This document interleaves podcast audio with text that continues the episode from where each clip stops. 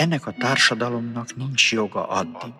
az emberi méltóság sérelmeiért komoly súlyjal panaszt tenni, amíg meg nem tanulja, hogy az emberi méltóság egy és oszthatatlan. És aki olyan társadalomban akar élni, amely az ő és hozzátartozói emberi méltóságát minden sérelem ellen biztosítani akarja, annak legelső dolga az emberi méltóság mindenféle sérelmét a maga ügyévé tenni. Akár főispánról, akár asztalos segédről, akár úrról, akár zsidóról, akár polgárról, akár kommunistáról, akár esperesről, akár csavargó szektásról van szó.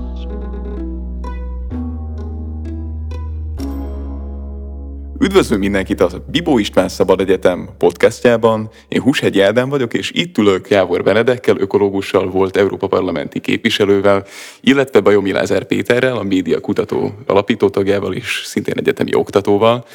akik tavaly a Médiaszabadság Közép-Kelet-Európában kurzus vezetői voltak a Bibó István Szabad Egyetem programon belül, a CEUN,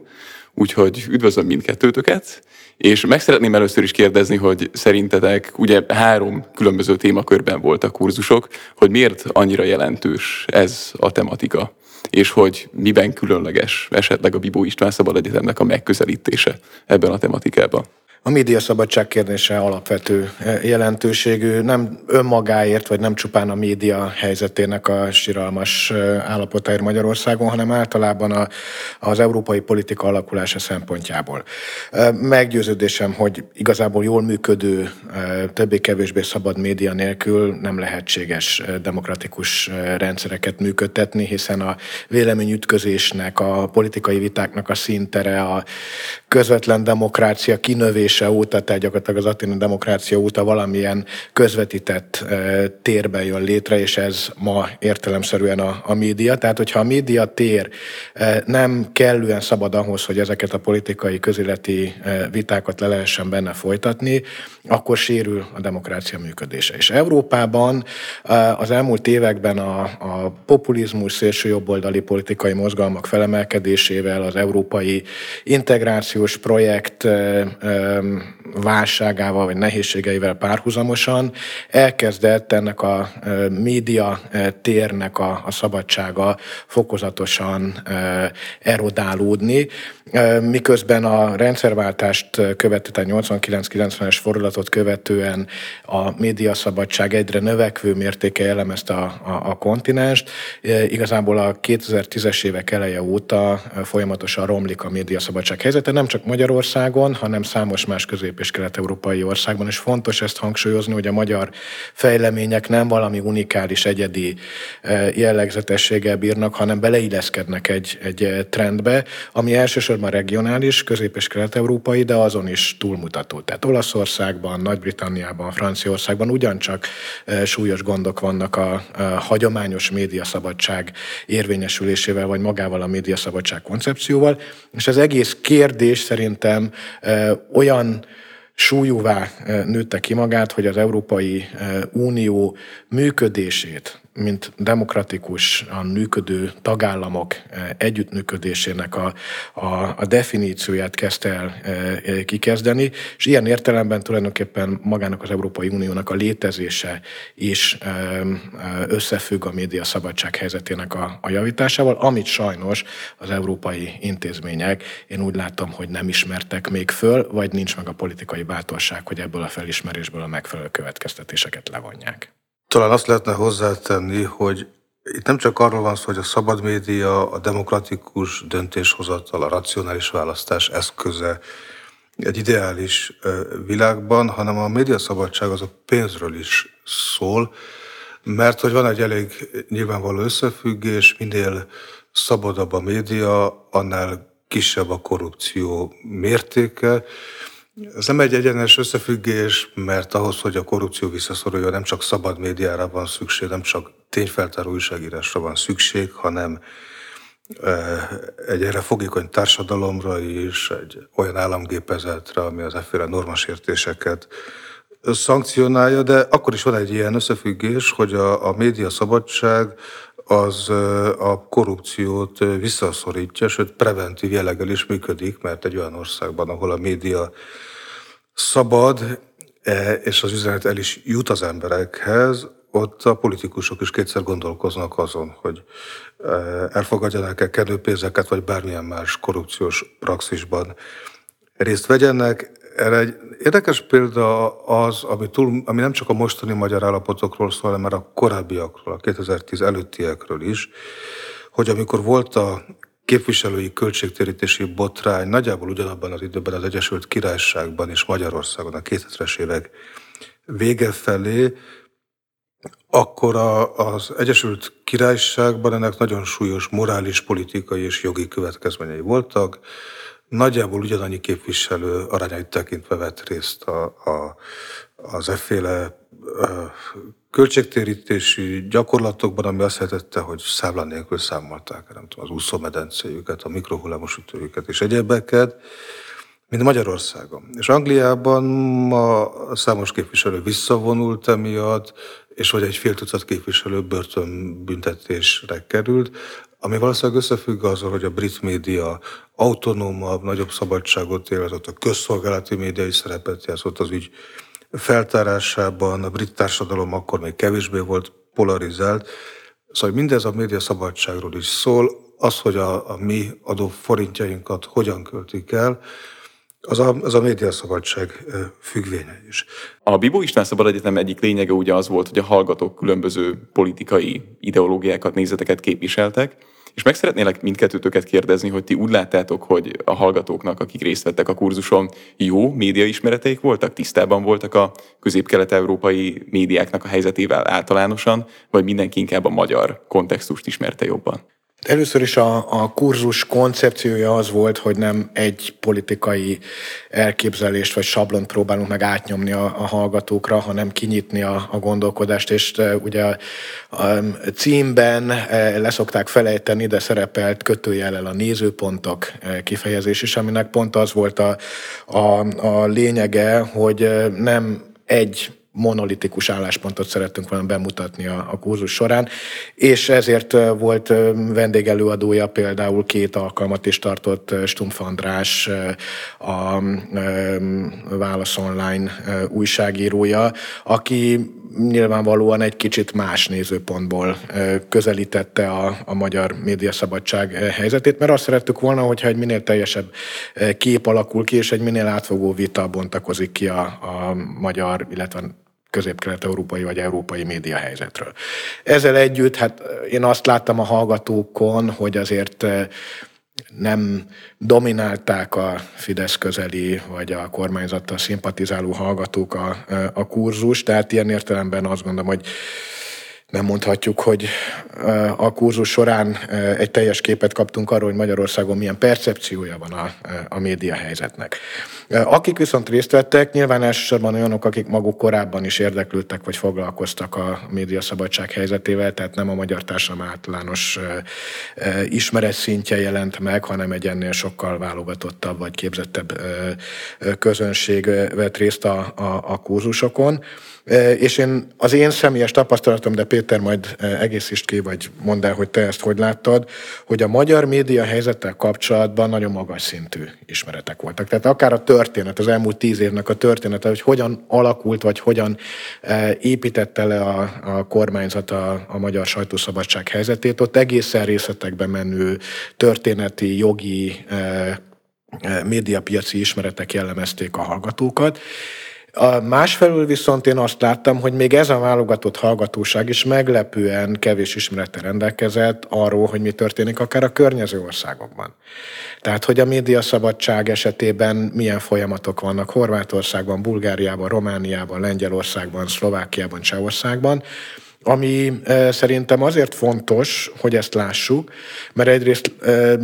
tudnunk kell, hogy ezek nem olyan innovációk a magyar kormány részéről, hogy itt valami agytrözt kitalált valami teljesen innovatív új dolgot a média szabadság korlátozására. Ezek sokszor évtizedek óta ismert eszközöknek az alkalmazása, amiket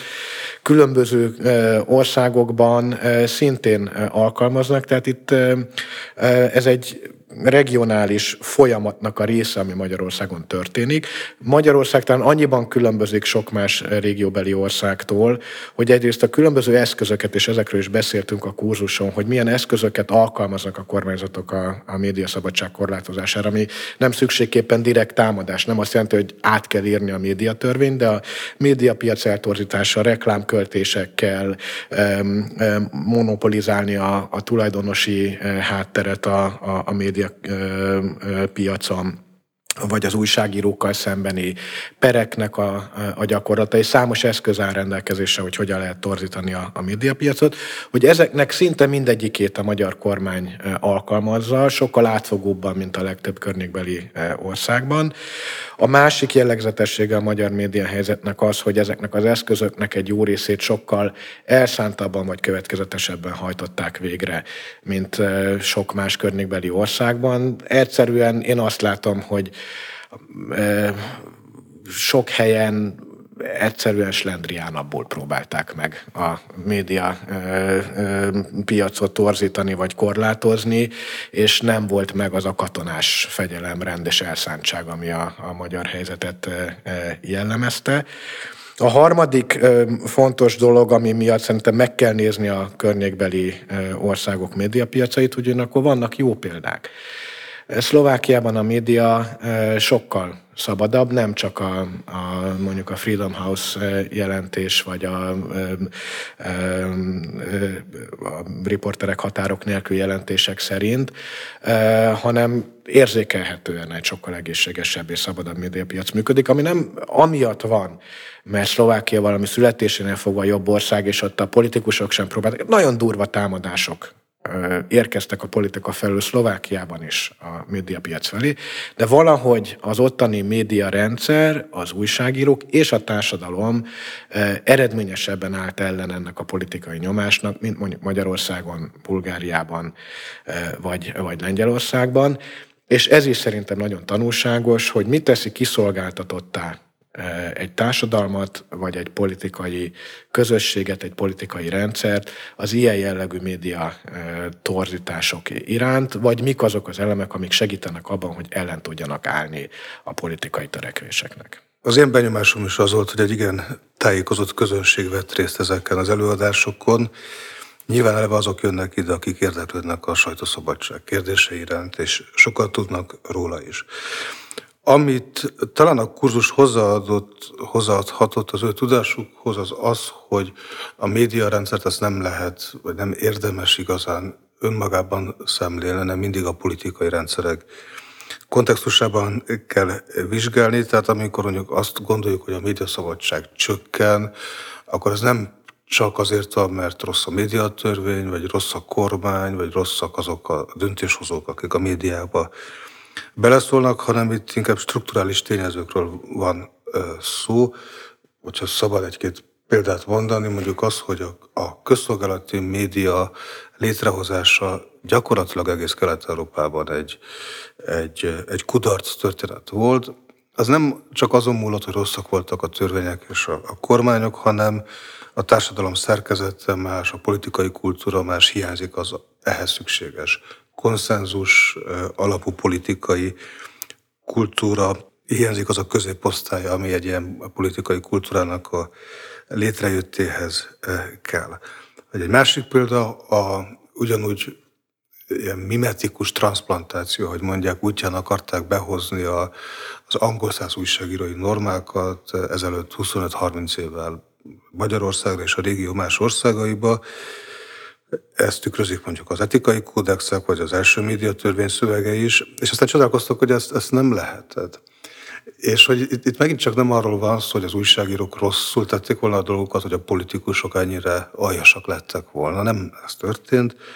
hanem például a közönségnek is mások, úgy tűnik, hogy mások voltak az elvárásaik a sajtóval szemben, mint egy olyan demokráciában, ahol nagyfokú kontinuitás, folyamatosság van. Ugye Kelet-Európában az egyik sajátos vonás, és ez Magyarországon különösen igaz, az az, hogy folyamatosan rendszerváltások vannak, hogy 10-20 évenként rendszerváltások vannak, hogy csak a 20. században 10 különböző politikai rendszere volt Magyarországnak, és ezeknek általában nagyon különböző ideológiájuk volt.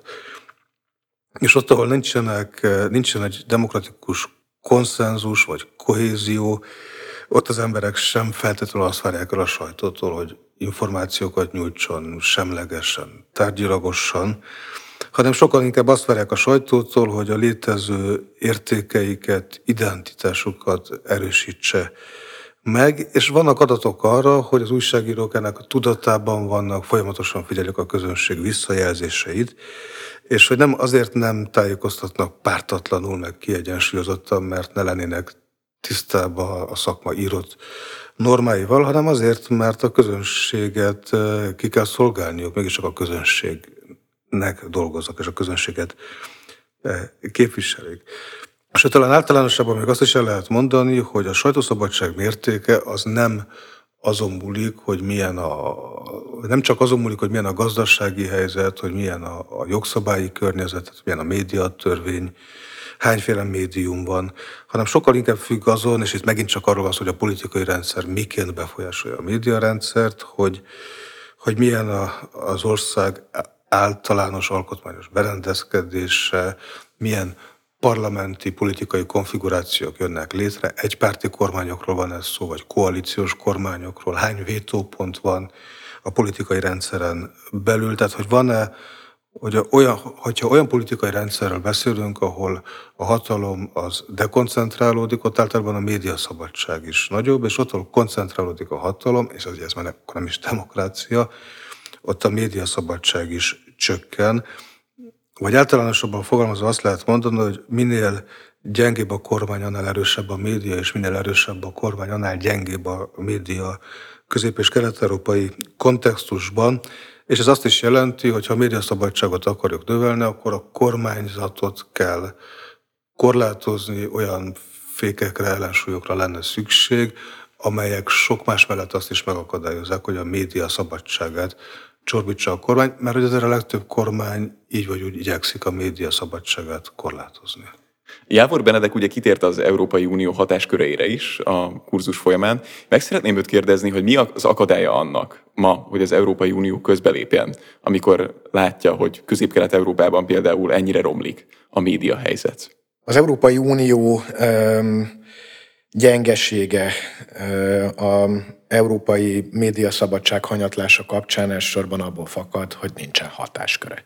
Ez egy nagyon egyszerű dolog, amikor a, az Európai Unió alapszerződéseit fogalmazták, akkor a tagállamok nem szerették volna, hogy a média ügyeikbe bárki kívülről beleszóljon. Ennek különböző okai voltak különböző tagállamok esetében, hogy miért is ragaszkodtak ahhoz, hogy a média ügy az tagállami hatáskörben maradjon, de ez történt. De gyakorlatilag a, a, az Európai Uniónak nincsen az alapszerződés szerződései által megfogalmazott hatásköre arra, hogy a tagállamok média viszonyait felügyelje, vagy beleszóljon. Ennél fogva, vagy csak nagyon-nagyon-nagyon közvetett módon néhány alapelv fogalmazódik meg az alapszerződésekben, illetve néhány területen részszabályozások vannak, de ezek alkalmatlanak arra, hogy rendszer szinten felügyelje és kontrollálja a tagállamok média helyzetét. Ez egy olyan szituáció, ami szerintem nem tartható fenn. És szerintem nagyon fontos lenne, hogy felismerjük, hogy ha egy demokratikusan működő közös Európában gondolkozunk, azt nem lehet megteremteni anélkül, hogy ennek a közös Európának hatáskörei és eszközei legyenek a tagállami média szabadság garantálása és biztosítására is. Tehát itt szükség van szerintem egy jogfejlődésre és egy intézményi hatáskör bővítésre, hogy az Európai Bizottság és általában az európai intézmények kapjanak a kezükbe eszközöket arra, hogy, hogy hatni tudjanak a tagállami média piacok helyzetére, illetve a média szabadság megőrzésére. Egy másik kérdés, hogy mindeközben egyébként azért vannak rendelkezésre álló eszközök, még ha azok nem is explicit módon feltétlenül média szabályozási eszközök. Csak egy példát hadd mondjak. Az Európai Bizottságnak például a versenyjog területén elképesztően erős hatáskörei vannak, és ami Magyarországon, de Lengyelországban, Bulgáriában és máshol is történik a médiapiacon, az egy nagyon durva versenykorlátozás. És ugye ismerjük, jól mindenki ismeri a, a magyar médiahelyzetet, a Kesma létrejöttét, Mészáros Lőrinc és másoknak a médiapiaci koncentráció létrehozatalát, majd annak a kormányzati kézbe való átjátszását, vagy kormányzati ellenőrzés alá való e, átjátszását. Ezek szerintem súlyosan sértik e,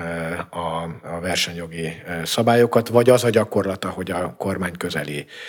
sajtótermékeket közpénzekből tartják lélegeztetőgépen a torz reklám kifizetéseken keresztül. Ezek egész egyszerűen a versenyjogi szabályokat sértik. Nem médiapiaci szabályokat sértenek, mert nem nagyon van, nagyon kevés az EU-s médiajogi szabály, hanem a versenyjogi szabályokat, és itt az EU-nak sokkal aktívabban és határozottabban kéne fellépni annak érdekében, hogy ha már nem állnak rendelkezésre, és időbe fog telni, és mindannyian látjuk, hogy mi most a politikai realitás Európában, hogy a közeljövőben alapszerződés módosítás ilyen irányban hát nem reális, hogy, hogy megszülessen, addig is, amíg ezek a változások be nem következnek, addig is ezekkel a közvetett eszközökkel sokkal aktívabban kéne élnie e, az Európai Bizottságnak. Nem véletlen, hogy én magam még európai parlamenti képviselőként a e, Mérték Média elemző műhelyel és a Klubrádióval, valamint a Magyar e, Újságírók Országos Szövetséggel közösen panaszt nyújtottunk be az Európai Bizottsághoz a, a reklámköltések verseny torzító hatása miatt. Jó lenne, hogyha ezekben a bizottság sokkal aktívabban fel tudna lépni, és tudnék még sorolni számos olyan pontot, ahol a meglevő hatáskörökkel is a, az európai intézmények hat, hatékonyabban tudnának élni. Ehhez azonban politikai bátorság és politikai akarat is kéne, és ez is hiányzik jelenleg az európai e, e, intézményekből, hogy egész egyszerűen a, a bizottság érezze feladatának azt, és az európai intézmények érezzék feladatuknak azt, hogy e, a tagállamokban zajló demokratikus hanyatlás az nem nézhető végig tétlenül. Jelen pillanatban az európai intézmények tulajdonképpen eszköztelenül és tanástalanul állnak mindazzal szemben, ami Magyarországon, Lengyelországban és néhány más tagállamban folyik. Tehát, hogyha egy üzenetet kell nekem az én szempontomból, mint volt európai parlamenti képviselő szempontjából megfogalmazni, az az lenne, hogy szabad média nélkül nincsenek demokratikus tagállamok, demokratikus tagállamok nélkül nincsen működő Európai Unió, ebből pedig egyértelműen az következik, hogy az európai döntéshozóknak mindent meg kell tenniük, hogy a jelenlegi hatásköröket a eddiginél sokkal aktívabban használva próbálják meg biztosítani a médiaszabadságot a tagállamokban, és egyben meg kell tervezni azokat a hatáskör e, e, erősítő lépéseket, azokat az intézmény és jogfejlődési lépéseket, amelyek révén az európai e, intézmények, az Európai Unió hatékonyabban képes biztosítani a tagállamokban a médiaszabadság érvényesülését. És akkor Péter, rögtön megkérdezném arról, hogy milyen mértékben foglalkoztatok a klasszikus médiákkal, és milyen mértékben a digitális médiákkal,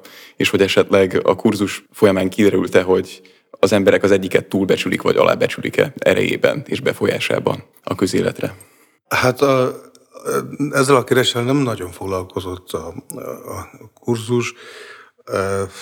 Az biztos, hogy, hogy az is hibát követel, aki a régi médiának a szerepét hangsúlyozott túl, az is, aki az új médiának a szerepét hangsúlyozott túl. Azt szokták mondani egy bizonyos Andrew Chadwick nyomán, hogy ez egy olyan hibrid média rendszer, ahol a régi és az új média, sőt nem csak a régi, amikor a politikai kommunikációról beszélünk, akkor nem csak a régi média, meg az új média, hanem a fizikai terekben való konkrét politikai kommunikáció is egy olyan szoros szimbiózisban él, hogy ezek a analitikusan megkülönböztethető helyek, vagy régi, új, televízió, online és a többi, ezek egymástól függenek és egymásra reflektálnak. Ami egyébként egy nagyon érdekes problémát vet föl, azt jelenti, hogy a média nagyon gyakran nem a az idézőjelben mondom, való világra reflektál, nem azt közvetíti, hanem azt mondja, hogy arról szól, hogy más médiumok hogyan számoltak be a, a valóságról. És ez már egy olyan probléma, ami egyébként úgy tűnik, hogy kelet-európai környezetben is nagyon eh, akut vagy érdekes. mert hogy ez az újságírás, ez nem feltétlenül a tömegeknek szól, hanem ez egyfajta elitek közötti kommunikáció. Kis túlzással azt mondhatjuk, hogy újságírók írnak újságot. Újságíróknak egymást olvassák, és eltávolodott ez a fajta politikai elemzés, politikai kommunikáció azoktól a problémáktól, amelyekre a választók többsége érzékeny, és amikor egy ilyen helyzet van, akkor valóban előfordulhat az, amit láttunk Lengyelországban, Magyarországon, korábban Szlovákiában is, hogy tudnilik a, a populista vagy demagóg politikai erők könnyebben utat találnak a választókhoz. Tehát ez az új hibrid média környezet, ez valószínűleg katalizálja, fölgyorsítja ezt a folyamatot. És uh, akkor rögtön erre reflektálva, van olyan példa Európában, uh, olyan ország, ami képes volt ezzel valamennyire megbirkózni, vagy nagyjából mindenhol ugyanazzal nézünk szembe? Erre a kérdésre hogy azért nem tudok válaszolni, mert a, a populizmus előretörés, hogyha erre vonatkozik a kérdésed, akkor nyilvánvalóan nem csak a médiától függ, hanem a szakirodalmi konszenzus, én úgy olvasom, ez ügyben az, hogy a, a média nem lehet, hogy katalizálja a populizmus, meg a politikai polarizációt, aminek a része az elitelenesség is, de hogy azért alapvetően mégiscsak inkább tükröz valamit, ami régóta folyik a, a gazdaságban, jelesül azt, hogy a, a jövedelmi különbségek egyre jobban megnőttek a, a 70-es évek óta, például Kastelszír erről kitűnő ö, könyveket és eszéket, tehát, hogy a médiát önmagában azért nem kellene ez, ezért, ezért felelősét tenni, esetleg úgy lehet felvetni a kérdés, hogy mit, mit tehet a média annak érdekében, hogy ellensúlyozza ezeket a, ezeket a folyamatokat. Egyébként a populizmus előretörésére meg azt szokták mondani, hogy, hogy ez egy nagyon látványos dolog, eh, egy globális jelenség, és nem csak Magyarország, hanem az Egyesült Királyság, az Egyesült Államok is ezt tanúsítja. És mi hajlamosak vagyunk elfelejtkezni hogy van egy sor olyan európai állam, ahol liberális politikusok ülnek vezető pozíciókban, és ahol a, a politikai szélsőségeket, a, a politikai centrumot alkotó különböző politikai erők eléggé ügyesen semlegesítik. Hogy ott mit csinálnak jobban, azt, azt én nem tudom megmondani, de az például biztos, hogy a skandináv országokban a, a dolognak része az is, hogy a, a, a jövedelmek újraelosztása az egy sokkal kiegyensúlyozottabb módon történik, és ezért egy kevésbé osztályharcos társadalomról van szó, nem olyan társadalomról van szó, a politikai és gazdasági érdekeiket az emberek a konfliktusok fölvállalása révén érvényesítenék, hanem ott párbeszéd van, megegyezésre törekvés van, és ebben persze a média is szerep, tehát ebben szerepet játszik, a médiának is van egy olyan szerep értelmezése, hogy, hogy a médiának a, az átlagpolgárt kell képviselnie, a konszenzus kultúráját kell képviselnie, akár föl is kell lépnie a, a, a szélsőségekkel szemben, ez még Németországban is így van, a skandináv országokban is így van. Nagyon nehéz lenne szerintem empirikusan behatárolni azt a szerepet, amelyet a média a populizmus térnyerésében és a politikai polarizációban, tehát a, az ideológiai különbségek növekedésében játszik. Nem tudom, hogy ez hogyan lehetne pontosan mérni. És akkor mondjuk, hogy lehet, hogy egy kicsit pozitívabb szempontból a, a kurzusban szerzett tapasztalatok alapján szerinted még egy olyan polarizált társadalomban is, mint Magyarországon még tudunk, nyíltan és konstruktívan beszélni arról, hogy milyen helyzetben van mondjuk a helyi média, vagy pedig, vagy pedig mi is kezdjük elveszteni valahogy a, a képességünket tükrözzük, hogy mennyire leépül a médiaszféránk. Szóval Magyarországon különösen rossz a helyzet Kelet-Európában is azt lehet mondani, hogy egyfajta putinizálódásnak vagyunk a tanúi, vagy balkanizálódásnak, hogy olyan a, nem olyan a médiarendszerünk, mint a szomszédos országoké, hanem inkább mint a nyugat, mint a, mint a balkáni, esetleg oroszországi. És a kérdés az az, hogy, hogy ez miért, miért van így, miért szerencsésebbek, vagy ügyesebbek a szlovének, a szlovákok, vagy a, a csehek, vagy az észtek, mint tehát a balti országok képviselői, mint, mint Magyarország. Ugye erről sokféle magyarázat van. Az egyik magyarázat azt mondja, hogy a magyar választási rendszer az nagyon különbözik a, a régióban bevett választási rendszerektől. Jelesül arról van szó, hogy itt egy vegyes vagy kvázi többségi választási rendszer van, még más országokban arányos választási rendszerek vannak. Egy arányos választási rendszerben egy párt nagyjából annyi mandátumot kap a parlamentben, ahány szavazatot kapott a választáson. A többségi választási rendszerek viszont az erős pártokat jutalmazzák, és a gyenge pártokat büntetik, és így fordulhat elő az, hogy egy párt a, mondjuk a szavazatok 41 néhány százalékával, a mandátumok 60 valahány százalékára tesz szert. Ott, ahol e, többségi választási rendszer van, ott talán nagyobb eséllyel alakulnak ki egypárti kormányok. És ott, ahol vegyes a választási rendszer, ott van egyfajta koalíciós kényszer, mert egyetlen párt sem szokott általában szert tenni a szavazatok többségére. És ott, ahol koalíciós kényszer van, ott a kormányon belül is folyamatos tárgyalások vannak, ott a kormánynak általában nincsen olyan nagyon markáns ideológiai agendája, napirendje, ott folyamatosan alkukat kell kötni. És ott, ahol alkukat kell kötni, ott vannak ezek a belső vétópontok, ezek a tulajdonképpen informális vétópontok, ott általában a média fölött sem tudja egyetlen politikai erő átvenni a, az ellenőrzést, mert egyetlen politikai erő sem elég erős ehhez, hogy ezt, ezt megtegye. Ez a Magyarország egyik sajátos vonása, hogy vannak tehát a, a kvázi többségi választási törvény, és ráadásul van egy csomó kétharmados, tehát szuper többséget igénylő törvény is, ezekből 32 van talán, és ezek közé esik a médiatörvény is. Ami azt jelenti, hogy ebben az országban, hogyha valaki megszerzi a, a tulajdonképpen alkotmányozott többséget, akkor megváltoztathatja a játékszabályokat az összes többi parlamenti párt akaratával dacolva. Vagyis, hogyha azt akarjuk, hogy Magyarországon nagyobb legyen a sajtószabadság, akkor annak az az egyik lehetséges módja, hogy meg kell akadályozni azt, hogy egypárti médiatörvényeket hozzanak létre, ahhoz már meg kell akadályozni azt, hogy egypárti kormányok jöjjenek létre, ehhez pedig egy arányos választási rendszerre lenne szükség. Nyilván nem csak ezen múlik a média szabadság, hanem azon is, hogy mekkora a piac, múlik azon is, amit azt Jávor Benedek mondta az előbb, hogy a, a külső erők jelesül elsősorban az Európai Unió mennyire tud hatást gyakorolni ezekre,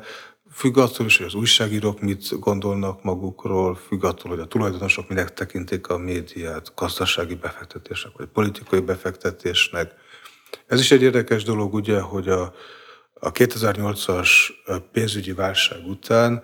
a nyugat-európai multinacionális média tulajdonosok kivonultak a piacról, és nem csak Magyarországon, hanem Romániában is, Csehországban is, Lengyelországban is, és akkor átvették a helyüket a hazai média oligarchák, ahogy azt mondani szokták, amely média oligarchák viszont informálisan nagyon szorosan összefonódnak a belpolitikai elitekkel, és ez sem szül, szül jóvért. Ez egy sok szereplős játék, de az egyik, egyik e, nyilvánvaló oka annak, hogy a sajtószabadság helyzete Magyarországon rosszabb, mint máshol, az a választási törvényben rejlik. Vagyis, hogy ezen választani, változtatni kíván az ellenzék, akkor ez kellene a legfontosabb követelésévé tennie, hogy tudni egy arányosabb és egyenlőbb és igazságosabb választási rendszer jöjjön létre. Tehát, hogyha neked lenne egy üzeneted, amit szerinted az embereknek el kellene vidniük a mai magyar médiával kapcsolatban, az az lenne, hogy egyszerűen egy, egy férebb választási rendszer, rendszerre lesz szükség ahhoz, hogy a média helyzet megjavuljon? Vagy szerinted van más jelentős tényező is? Ugye erről nagyon sok vita van, hogy a különböző választási rendszereknek mi, a, mi az előnyük, hogyan függenek össze az intézmények, meg a politikai kultúra, de én azt gondolnám, hogy egy arányos választási rendszer az párbeszédre kényszeríteni a feleket a politikai szférában. És ezért a sajtó az alapvetően tükrözi azt, ami a politikai szférában történik. Általában ez úgy szokott kinézni a tapasztalatok szerint, hogy a politikai rendszerben mennek elővégbe bizonyos változások, és aztán ezek következnek a, a média rendszerben is. És ezt nagyon látványosan láttuk az elmúlt években, amikor először a politikában alakult ki egy centrálisnak nevezett erőtér, maga a leendő kormányfő mondta még a 2009-es kötsei beszédben, és aztán ugyanez a centrális erőtér néhány év alatt megjelent a médiában is. Tehát, hogy igen, a politikai rendszeren kell változtatni, és akkor a médiarendszer majd, majd követi. Az, hogy itt a médiarendszert próbáljuk javítani, meg új törvényt hozzunk, vagy, vagy közvetlen kormányzati, vagy önkormányzati beavatkozás van a médiarendszerben, ez, ezeket a strukturális problémákat valószínűleg nem tudja kezelni. Nagyon szépen köszönöm mindkét vendégemnek, hogy részt vettek a podcaston, és reméljük, hogy ez a kurzus az első felvonása volt sok más hasonló programnak a Bibó Szabad Egyetemen belül. Én is köszönöm.